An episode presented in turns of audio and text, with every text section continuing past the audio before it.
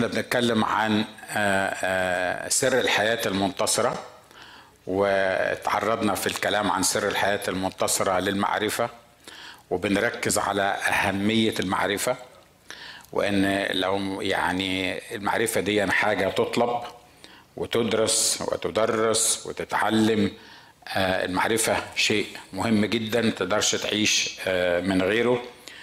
والمرة الماضية اتكلمنا عن مدار عدم المعرفة وقلنا في ثلاث مدار لعدم المعرفة مش هن مش هنراجعهم تاني.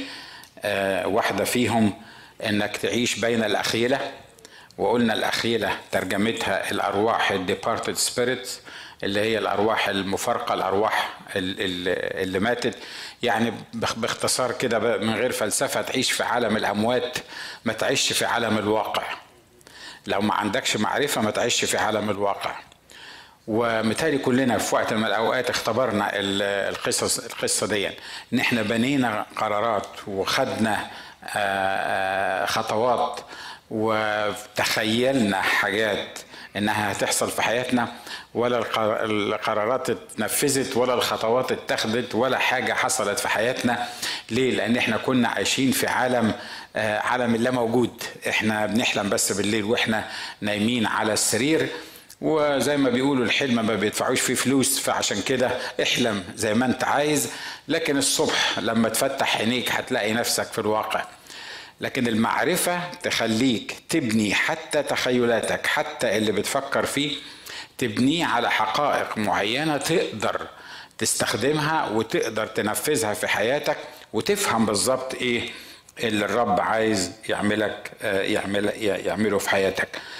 فقلنا من مدار عدم المعرفة هي إنك تسكن بين الأخيلة الحاجة اللي بعد كده كتاب بيقول سبي شعبي لعدم المعرفة. يسبى يعني يبقى عايش ومش عايش. عايش ومش صاحب قرار. عايش ومش حر التفكير. هو عايش وبيتحرك وبيتكلم وبيروح وبيجي. لكن الحقيقة مش قراراته مش أفكاره مش مش خطواته اللي بيعملها. في قوة مختلفة بتجبره على إنه يعمل اللي مش عايز يعمله بشكل أو بآخر. عشان كده لو مفيش معرفة عندي ممكن أبقى أخ ومؤمن ومغسول بدم الرب يسوع المسيح وضامن حياتي الأبدية وهروح السماء لكن يا إما عايش في عالم اللا واقع اللي مش موجود. وعلى فكرة اللي عايشين في عالم اللا واقع دول والمسبيين دول أكتر ناس عندهم فلسفات وأكتر ناس يفهموا في السياسة وفي ال... وفي ال... في الطبيخ وفي ال... في أي حاجة في أي حاجة. ليه؟ هو بيدفع فيها فلوس هو من غير ما يعرف. هو بس تدوس على الزرار يحلل لك تحليلات تشلك روسيا والاتحاد مش عارف في أمريكا ومش عارف مين وهيضربوا وهيسووا ومش عارف إيه يعني وفي الآخر خالص هو أصلا مفيش في دماغه حاجة أو هي مفيش في دماغها حاجة بس هو قابلت حد بالمنظر ده؟ ولا أنا عايش في عالم الاخيل أنا ولا إيه؟ يعني بحس بحس مرات كده إن يعني يعني عارف سوبيا شعبي لعدم المعرفة. شعبي بدل ما يكون هو المتحكم في قراراته وفي نفسه وهو اللي بيتصرف بناء على كلمة نبوية التي هي أثبت هو بيتصرف على تخيلاته على على الأمور اللي حاططها في دماغه على تحليلاته السياسية والاقتصادية والاجتماعية و...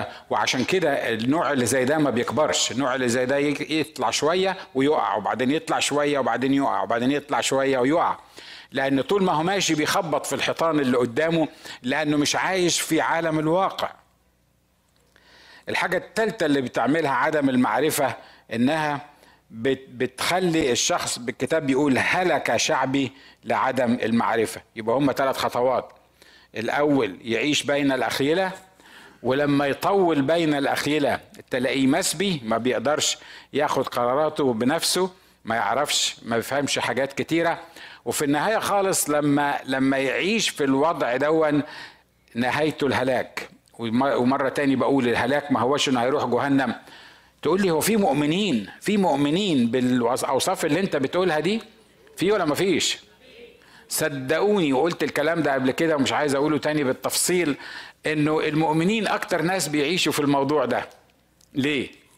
مش لأن الإيمان مش كويس مش لأن ما عندناش التعليم مش لأن ما عندناش القدوة بتاعة شخص الرب يسوع المسيح. مش كل ده. لكن لأن المؤمنين بيحاولوا إن هم يعيشوا في العالم اللي هم عملوه لنفسهم وفي الوقت نفسه بيحاولوا يعيشوا الكتاب. فبتكون النتيجة لا بيعيشوا الكتاب ولا بيعيشوا الواقع اللي هم عايشينه. فبيهربوا من الواقع اللي هم عايشينه بفلسفات ونظريات وحاجات لاهوتية لا تمت للواقع بصلة. علشان كده بيعيشوا في ازدواجية. افهم معايا النقطة دي عشان النقطة دي مهمة أوي. بيعيشوا في ازدواجية الأشرار في معظم المرات ما بيعيشوش في ازدواجية ليه؟ لأنه الشرير شرير. الشرير واضح إنه شرير. ما بيخبيش عنك شره ده بالعكس. ده ده بيفتخر مرات بشره مجدهم في خزيهم. بيفتخروا بالشر اللي هم موجودين فيه. وهو عارف إنه خاطئ وهو عارف إنه رايح جهنم وهو عارف إن هو بيعمل كذا وبيعمل كذا وبيعمل كذا ما عندوش مشاكل في الموضوع ده وبيتهمني وبيتهمك بالغباء لأن إحنا ما بنعملش زيه لكن المؤمنين مش كده لأن المؤمنين عايشين في جسد الخطية ومعرضين لكل المواقف اللي بيتعرض ليها غير المؤمنين. وعندهم الوصية الكتابية اللي بيحاولوا يعيشوا على مستواها ولأن مش قادرين يعيشوا على مستوى الوصية الكتابية دي بيهربوا من الوصية الكتابية في عالم هم خلقوه لنفسهم.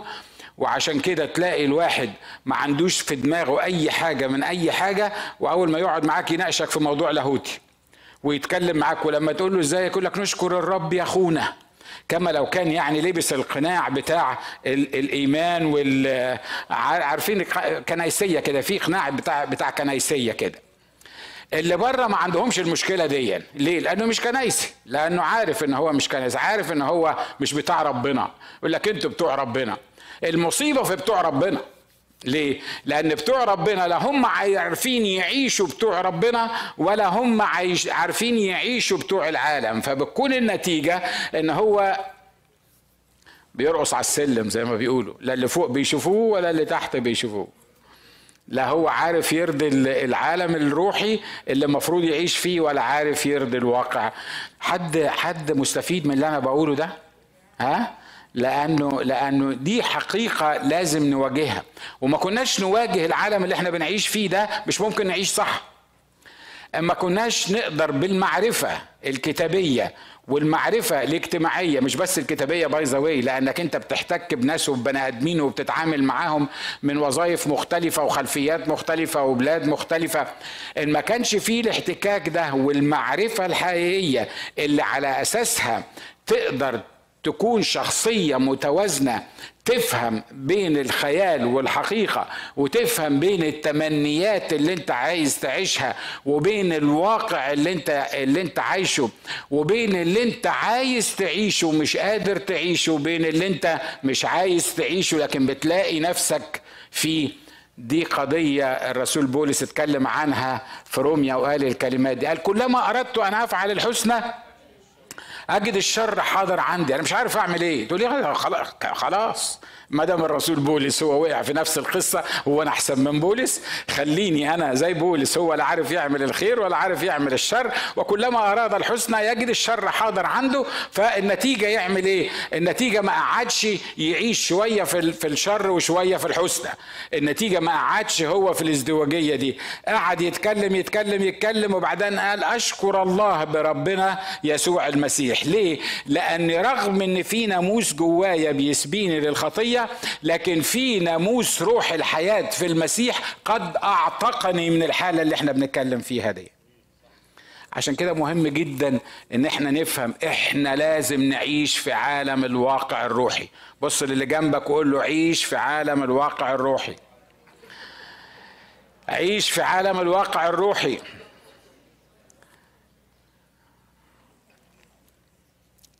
دي مدار عدم المعرفة. طب فوائد المعرفة. إحنا عرفنا إن المعرفة مفيدة. خلي بالك لما بنتكلم عن الموضوع ده أو الموضوعات دي تحسوا المعرفة كلها مفيدة. أي حاجة في المعرفة مفيدة. مفيدة إزاي يعني؟ يعني يعني يعني بتعمل إيه المعرفة دي؟ ده اللي إحنا عايزين نتكلم فيه. الكتاب في أخبار التانية واحد وعدد عشرة بيقول الكلمات دي سليمان بيقول للرب فاعطيني الآن حكمة ومعرفة لأخرج أمام هذا الشعب وأدخل لأنه من يقدر أن يحكم على شعبك هذا العظيم. المعرفة تجعلك حاكم لا محكوم. معلش أنا مش بعمل كده بس لمجرد الفن لكن دي حاجات أنا عايزها تثبت فيك وعايزك تقولها للي جنبك. المعرفة تجعلك حاكم مش محكوم. ليه؟ لأنك لو مش عارف دايما هتلاقي الناس تحكمك. دايما هتلاقي الناس تنصحك. أنا عارف إن أنت عارف ولا مش عارف في ناس غاويين حكاية النصيحة دي لأن أنبه إخواته هو فاهم إن هو الوحيد اللي فاهم وبما إنه هو الوحيد اللي فاهم فطول ما هو قاعد بيطرطش معلومات على اللي جنبيه وبيحاول يعلمهم يعني آه، إزاي يعيشوا وإن هو السوبر ستار أنا مش بتكلم على النوعية دي لكن بتكلم على شخص عارف حقيقي. لما تكون قاعد في قاعدة كده وبيتكلموا في موضوع تحس إن هو موضوع يعني فعلا محتاج حد يكون فاهم حد يكون عنده معرفة. خلي الناس كلها تلطش. خلي الناس كلها تقول اللي عندها. لكن بمجرد ما تبتدي تتكلم أنت لأن هم عارفين إن ده تخصصك لأن هم عارفين إن أنت فاهم في الموضوع ده لأن هم عارفين إن أنت اللي عندك في الموضوع ده تلاقي نفسك ساكت. تلاقي اللي, اللي قدامك ساكت. ليه؟ لأنه هو هو مش عارف أصلا بس دايما اللي مش عارف بيحاول يقنعك إنه عارف. بيحاول يقنعك إن هو فاهم كل حاجة. دايما بقول المثل ده اسأل أي واحد في بلادنا على شارع التتافي بلادنا ليه؟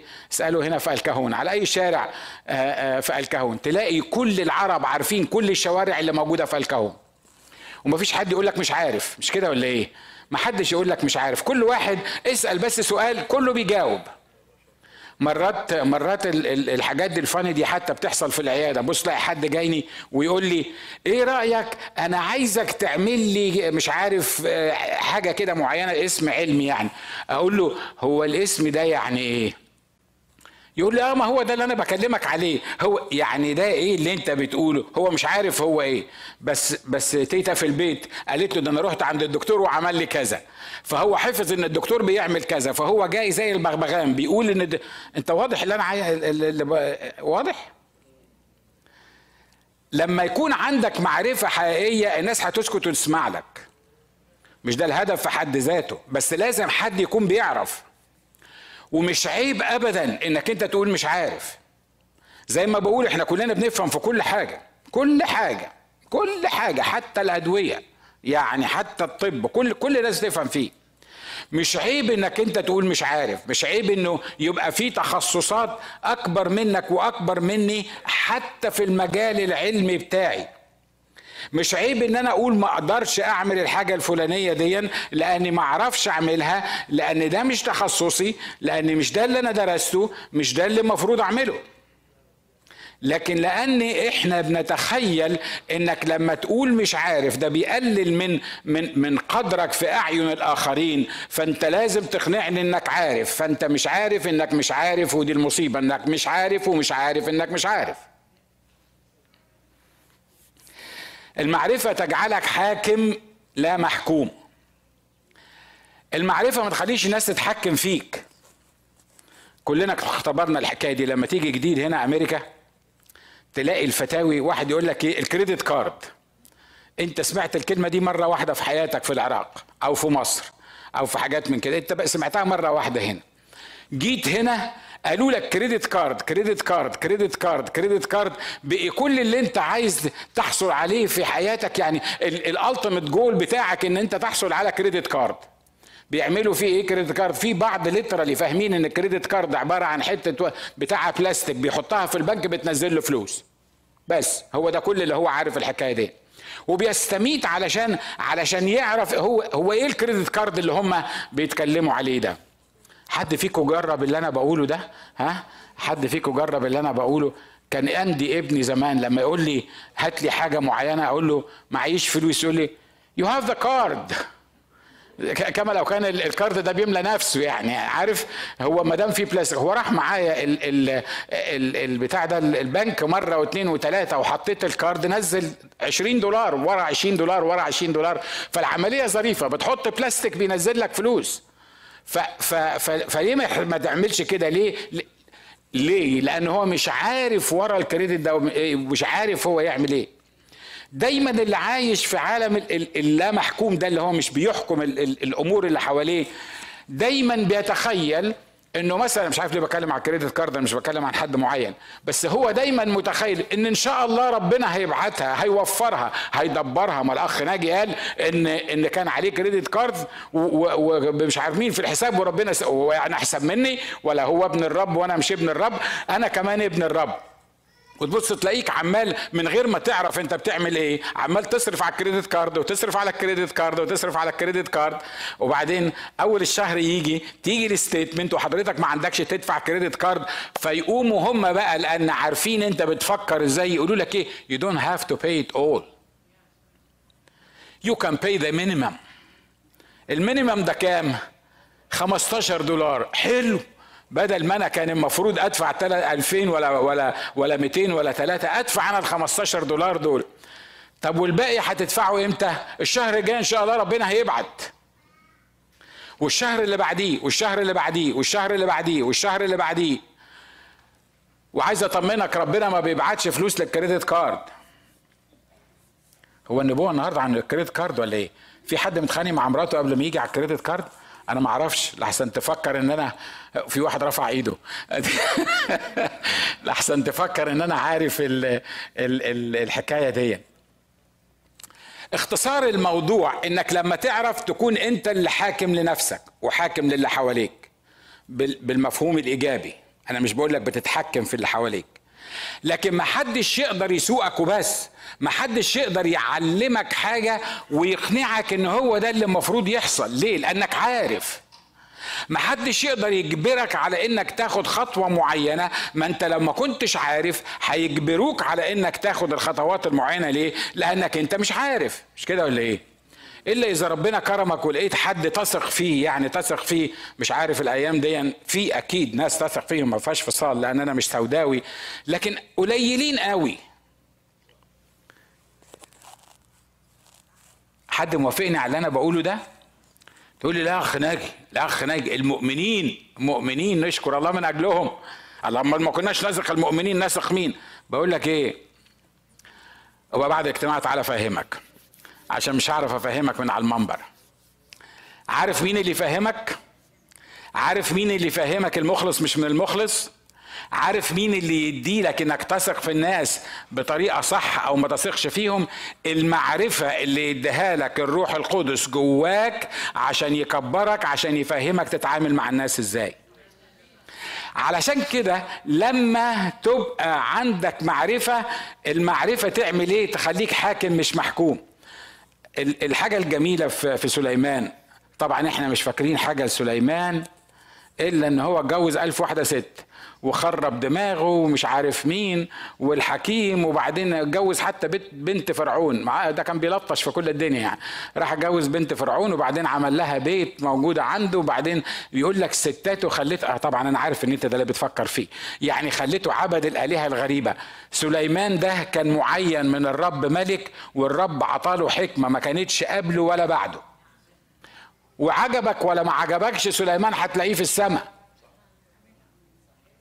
وسليمان ساب لنا كمية من الحكم والأمثال اللي ناتجة عن اختبار نشكر الله هو لبس في الحيط هو حر هو يعمل اللي هو عايزه. بس ساب لنا إحنا الحاجة اللي إحنا المفروض إن إحنا نمشي فيها. سليمان لما لقى نفسه هيبقى الملك عمل إيه؟ ما قالش آه داوود أبويا كان الملك لمدة 40 سنة وهو اللي عمل التحرير وهو اللي عمل السلام وهو اللي جهز الحاجات بتاعت الهيكل. يا سليمان أنت هتقدر تحكم على الشعب ده. لا لما الرب قال له اسأل ماذا أعطيك. الرب بيسأل السؤال ده مرات كتيرة بيسأل السؤال ده. عايز أطلق عايز أقول لك حاجة مفيش واحد فيكم أو فينا الرب ما سألوش في مرة من المرات السؤال ده. وحتى لو ما سمعتهوش بودانك الرب بيقول لك كل يوم الصبح اسأل ماذا أعطيك. حد يصدق على الكلام اللي أنا بقوله ده؟ مش كده؟ كان عمره ما ظهر لي. زي ما ظهر لسليمان. ما ظهر لك زي ما ظهر لسليمان. لكن لكن كون إن أنت بتقعد قدامه وبتكلمه وبيدي لك هو بيسألك اسأل ماذا أعطيك. لما لما طلب من سليمان الطلب ده سليمان قال له إيه؟ قال له أنا صغير ومين هيقدر يخش ويطلع قدام شعبك؟ أنا عايز إنك تديني معرفة وتديني إيه؟ وتديني حكمة. علشان أعرف وعلشان بالحكمة اللي أنت تدهاني أكون أنا حاكم حقيقي مش مجرد الناس هم اللي يحكموني. وعلى فكرة معلش خليني يمكن طولت شوية في الحتة دي لكن دايما هتلاقي متطوعين حكماء حواليك ينصحوك تعمل إيه. في أي حاجة ليهم علاقة بيها وده على فكرة مش بتاع حد معين ده ده ده, ده يعني ده البشر ده البشر هم كده. دايما عندهم نصايح ودايما عندهم حلول ودايما مفهمينك إن أنت المقصر ودايما مفهمينك إن أنت الغلط ولازم تسمع اللي إحنا بنقول لك عليه. ولازم ننصحك. وانت لسه جديد في البلد دي مش واخد بالك من حاجة. وانت مش متعلم في التعليم الفلاني ده. عايز أقول لك دي دي دي طريقة من الطرق الشيطانية اللي بيخلي إبليس بيها الآخرين يعملوا كنترول على حياتنا ويمشونا وفقا لما هم يريدون. مش زي ما إحنا عايزين. تقول لي طب اتخلص من الموضوع ده إزاي؟ عارف اتخلص من الموضوع ده إزاي؟ لاجي الكنيسه ولا يبقى لي علاقة بالمؤمنين. وفي بيتنا ما حدش يزورني. وما اطلعش سفرة مع أي حد. أقعد أحبس نفسي في الأوضة هناك ولا أتعامل مع البني آدمين خالص. الناس كلها وحشين يا أخ ناجي. عشان كده أنا باجي الكنيسة أسمع الوعظة وأروح بيتنا أنام لتاني يوم الصبح علشان بس ما أتعاملش مع الناس. يا خيبتك. شفتوا اسيس بيقول يا خيبتك من على المنبر؟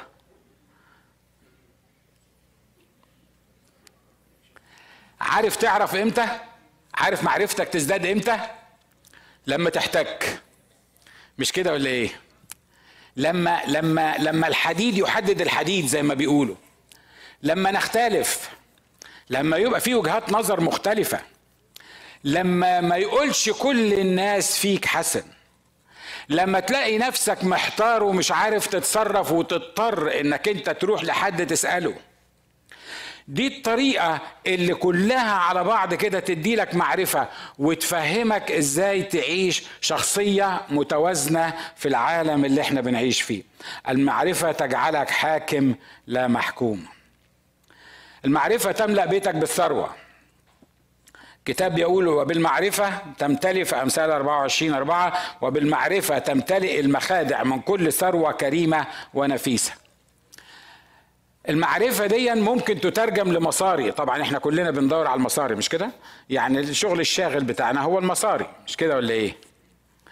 لكن لما يكون عندك معرفة حقيقية من الله تعرف ال business اللي تخش فيه وال business اللي ما تخشش فيه.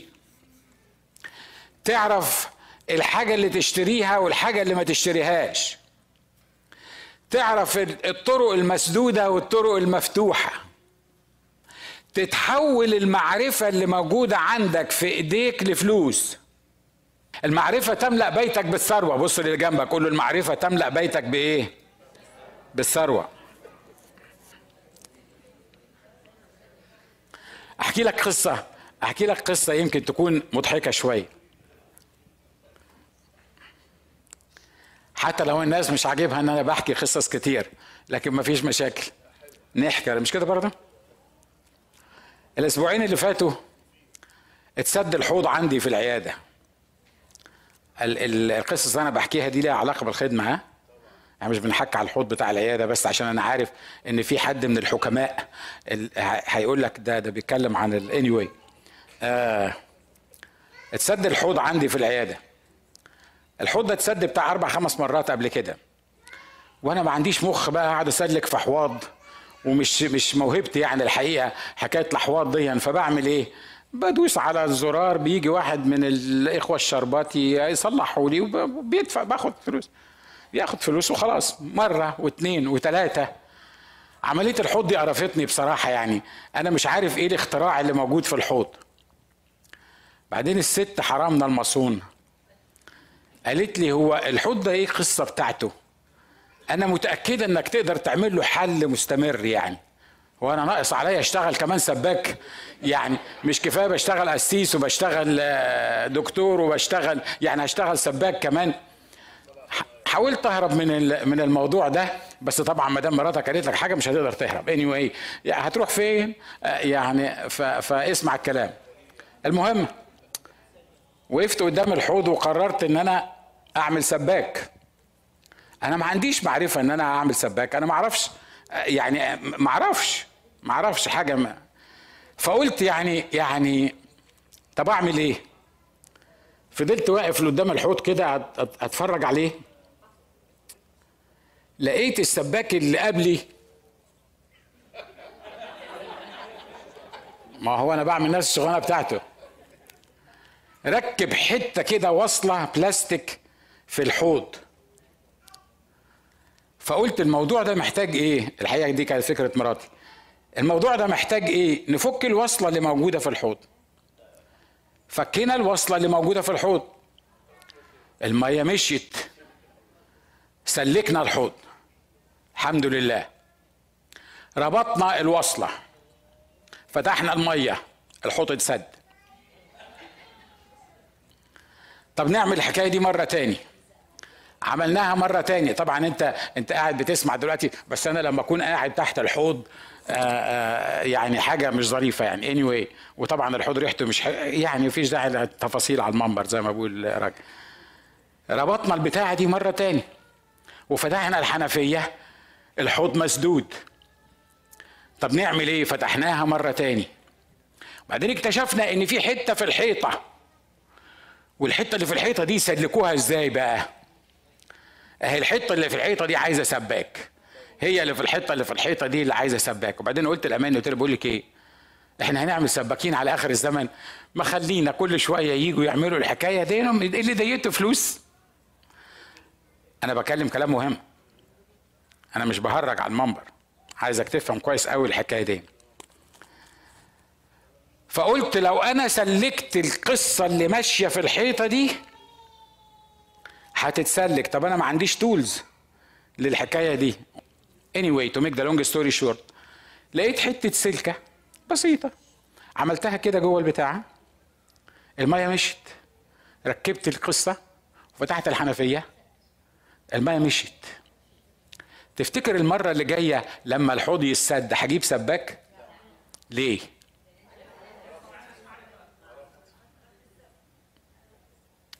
المشكلة بتاعتنا إن إحنا مش عايزين نعرف.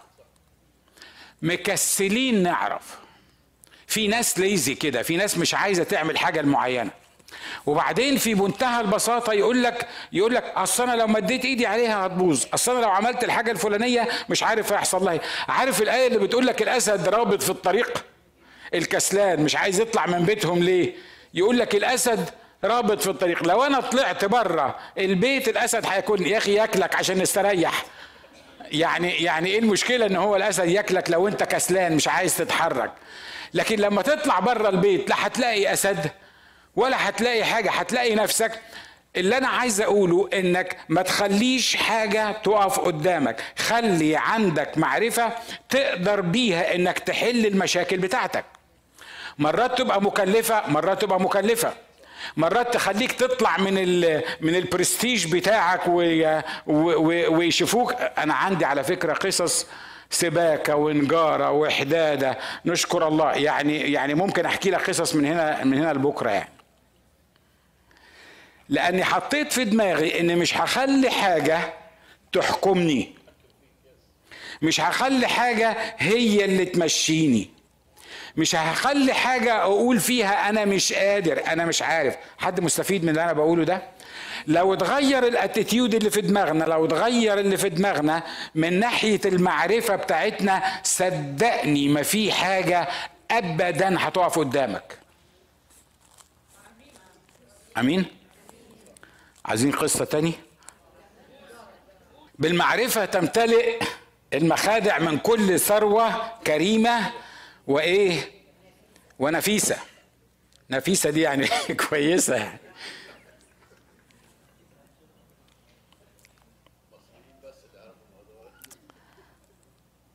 عارفين يا إخوة أخوات أنا للأسف مش عايز أطول بس أنا فعلا أنا حاسس إن أنا حاسس إن إحنا مرات بنبقى معوقين بسبب تفكيرنا إن مش قادرين نعمل حاجة الفلانية مش عارفين نعملها إزاي مع إننا ما جربناش مع إننا ما سألناش.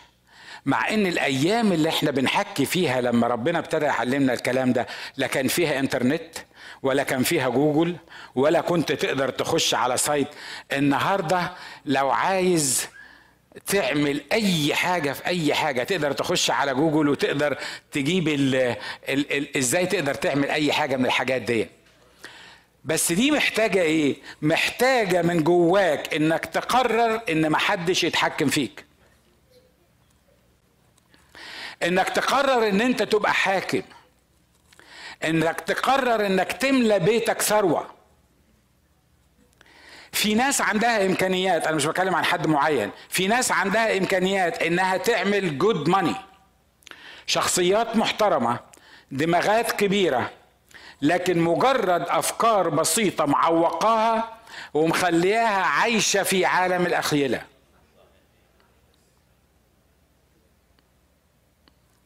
أو مش قادر يعمل الحاجة الفلانية لأن عيب يعني عيب لما أبقى الدكتور بطيخ وبعدين أروح أشتغل في gas station. يعني كمان يعني يعني لما الناس يشوفوني وأنا بشتغل في gas station يقولوا إيه يعني؟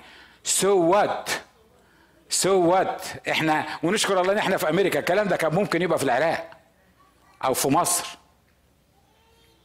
إزاي لما إزاي الشهادة اللي أنا خدتها دي أعمل بيها في أمريكا عايزني أعمل بيها إيه؟ عارف تعمل إيه؟ اشتغل اشتغل كالناس. ولما تشتغل كالناس تعرف بالمعرفة اللي عندك تقدر تاخد الموضوع دون وتطلع من خطوة لخطوة ومن مجد المجد ومن قوة لقوة. أنا مش بوعظ روحيات أنا بوعظ حاجة حقيقية إحنا محتاجين نتعلمها.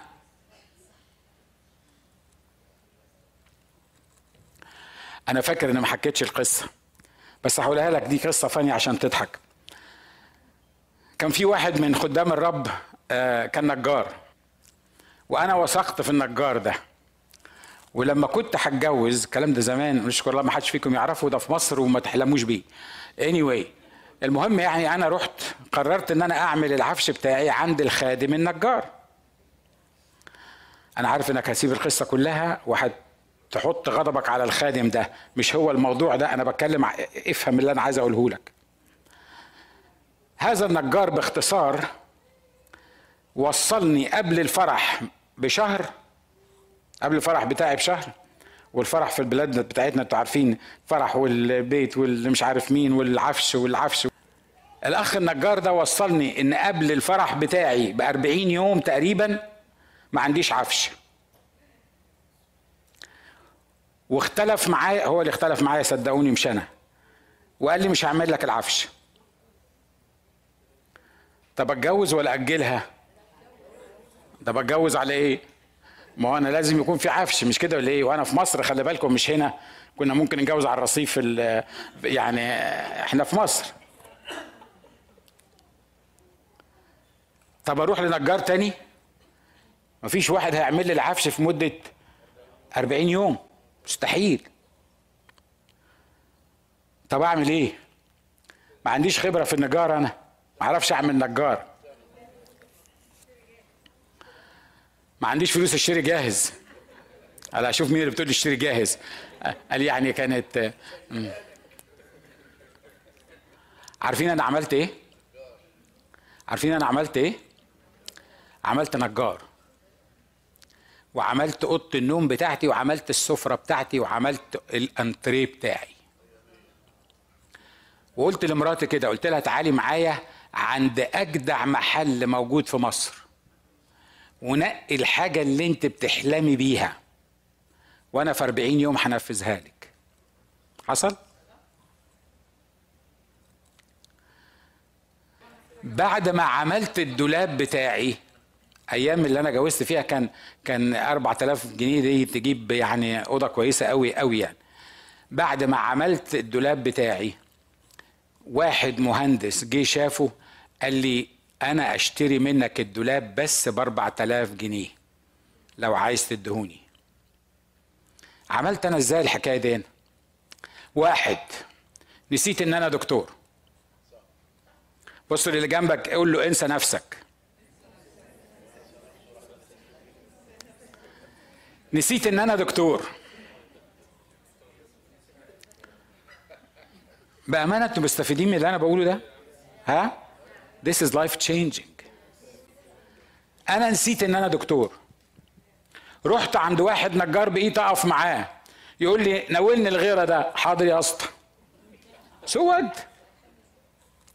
وهو عارف إن هو وهو ما كانش بيحبني كتير طبعا لأنه كان فاكر إن أنا يعني هكمل في في الوسطى وهسيب الطب. Anyway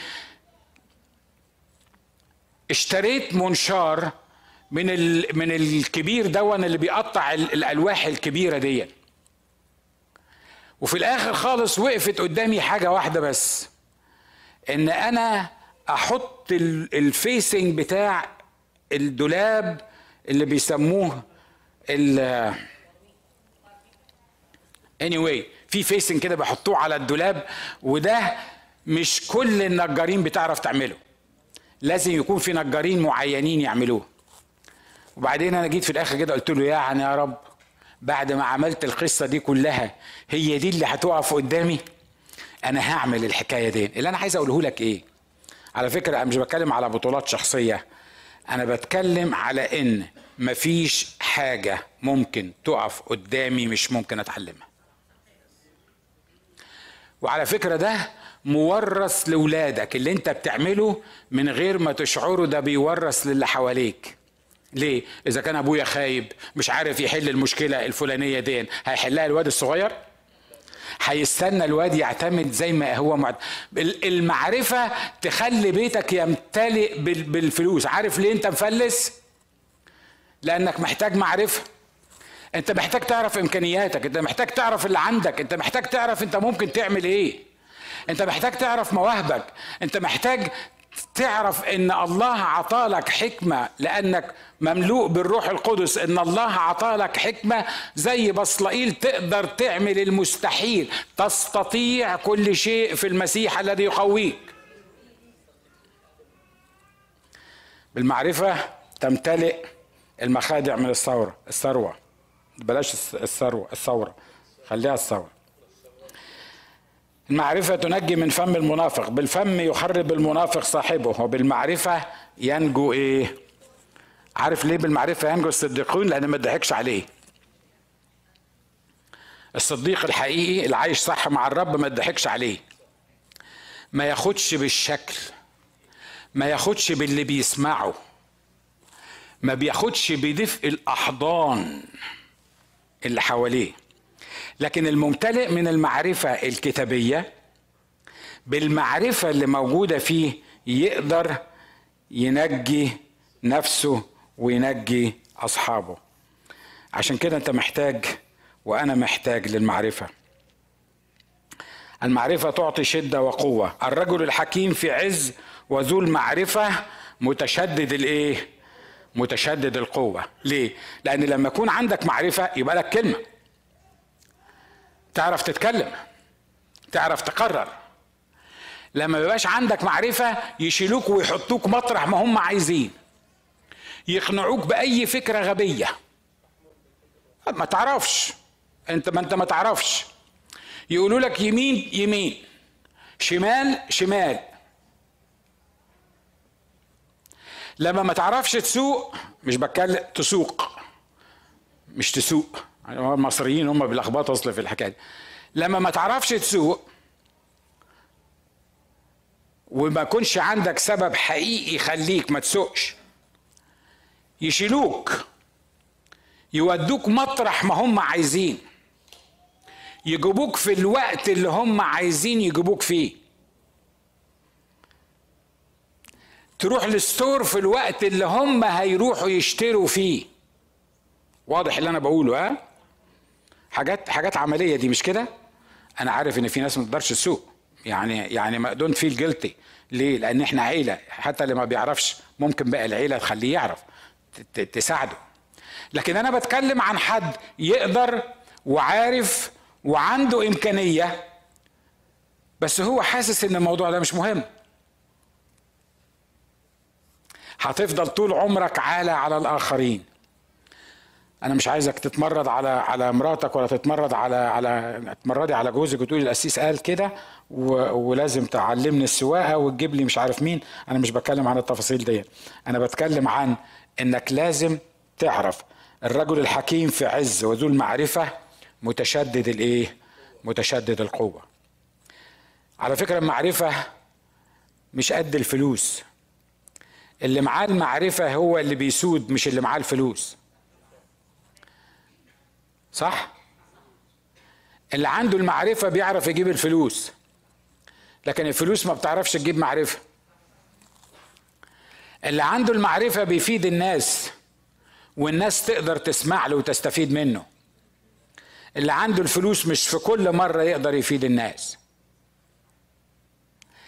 اللي عنده علاقات يقدر يحل مشاكل. لكن اللي عنده معرفة ما تقفش قدامه مشكلة. واضح اللي أنا بقوله. آخر حاجة. موقفي من المعرفة. واحد امتلئ من معرفة مشيئة الله. من أجل ذلك نحن أيضا منذ يوم سمعنا لم نزل مصلين وطالبين لأجلكم أن تمتلئوا من معرفة مشيئته. في كل حكمة وفهم إيه؟ يعني إيه نمتلئ؟ يعني خد أكبر قدر من المعرفة. مش هتضرك مش هتغرق فيها ومش هتوصل لمرحلة إنك أنت تحس إنه خلاص مفيش تاني. أنا وصلت للمرحلة دي. امتلئ من المعرفة. ما تعديش يوم إلا ما تخلي الرب يعرفك حاجة معينة. بطريقة أو بأخرى. ما تحط في دماغك إنك محتاج تعرف. كم واحد فينا عنده حاجة مش عارفها يعني ويحب يعرفها. مثالي كلنا مش كده ولا إيه؟ ها؟ السؤال وما ترفعش إيدك. يا ترى عملت إيه عشان تعرفها؟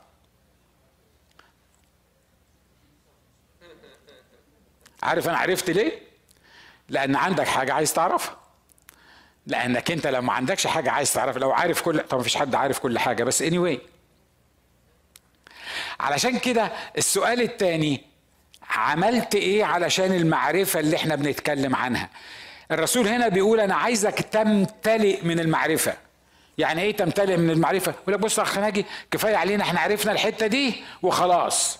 هي كده وخلصت. الموضوع ده هو ده وخلاص. يعني أنا نعرف كل حاجة في الدنيا.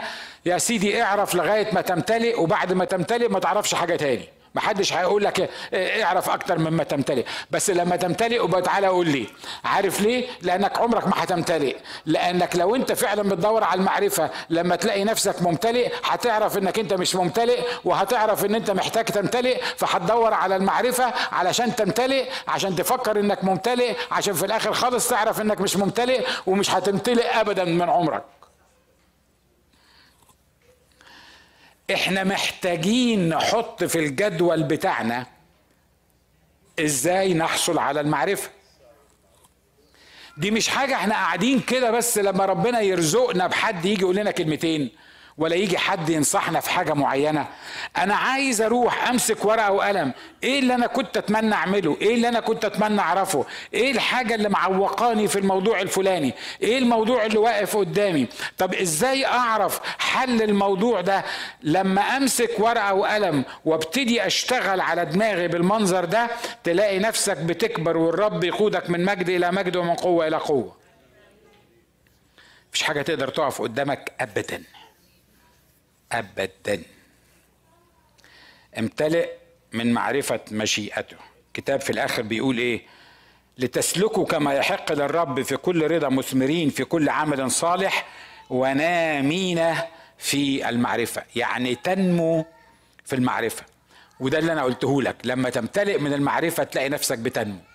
ولما تنمو في المعرفة تلاقي نفسك عايز معرفة تاني. ولما يبقى عندك معرفة تلاقي نفسك بتمتلئ تاني. And so on. وتفضل الدايرة كده على طول. مش لازم تجاملني. يا ترى كنت محتاج تسمع الكلام اللي أنا بقوله ده؟ بيتهيألي كلنا محتاجين. أنا صدقوني بكلم نفسي الأول. أنا محتاج محتاج إن أنا أعمل كده. في أسباب كتيرة بتخلينا نقف عند حد معين. وخصوصا اللي هم ابتدوا يعدوا الستين. دايما تسمع الناس اللي ابتدوا يعدوا الستين يقول لك يعني بعد ما شاب ودوك كتاب يا أخي أمال الأمريكان ما بيشيبوش ليه وهم عندهم 85 سنة؟ مش معانا إحنا اللي بنشيب وإحنا قاعدين 40 سنة. عارف إحنا بنشيب فين؟ إحنا بنشيب أصلا جوه وبعدين بيطلع على شعرنا. الشبه ده مش شعر الشبه مش في الشعر الشبه في الدماغ الشبه في المخ. لما ده يشيب تلاقي كل حاجة بيضت حواليك. تلاقي شعرك ابيض وعينيك ابيضت وال... و... و... و... وحبيت الكاوتش مرة واحدة ما تفهمش إزاي و... والدنيا كلها تخرب معاك. ليه؟ لأن هو ده هو ده.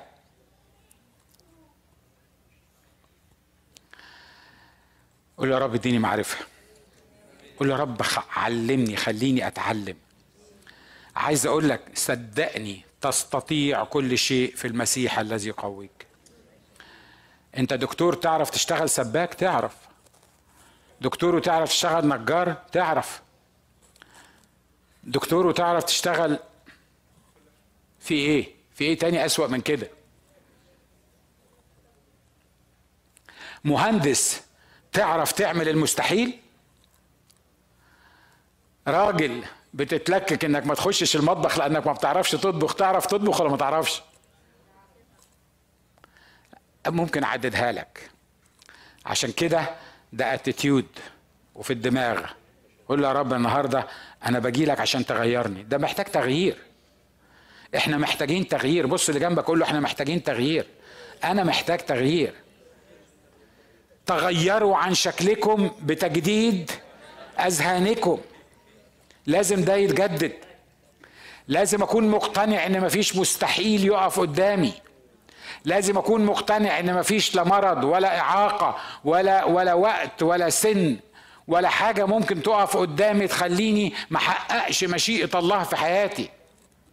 لما يكون ده الأتيتيود اللي أنا بتصرف بيه مفيش حاجة هتقف في حياتي. خلونا نصلي مع بعض. وخلي دي طلبتنا الحقيقية. قول يا رب أنا عايز حاجة جديدة منك النهارده أنا عايز تغيير. أنا عايز أتغير. أنا عايز حاجة جديدة تحصل في حياتي.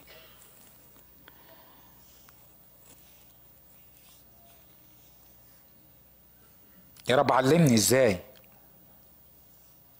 إزاي أنا أتغير عن شكلي بتجديد ذهني.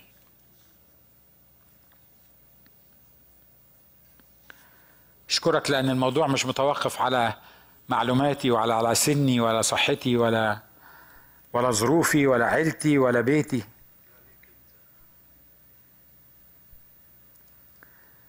انت قلت للأصغر في بيت أبي واللي عشرته كانت الذله في منسى اذهب بقوتك هذه وخلص إسرائيل.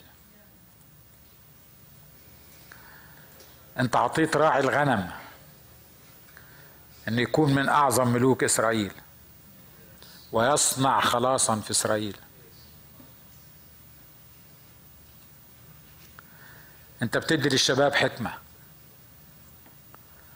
لا يستطيع المقاومون أن يقاوموها.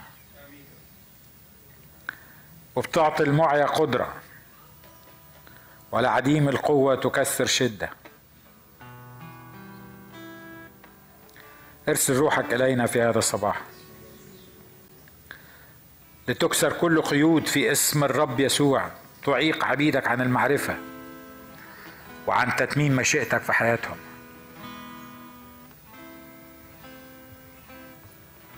اكسر كل سدود وضعها العدو قدامنا عشان يضمن إن إحنا خاضعين ليه.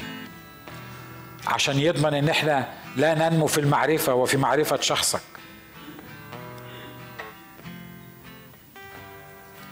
ادي تغيير في الفكر النهارده يا رب. ادي تغيير في الاتجاه.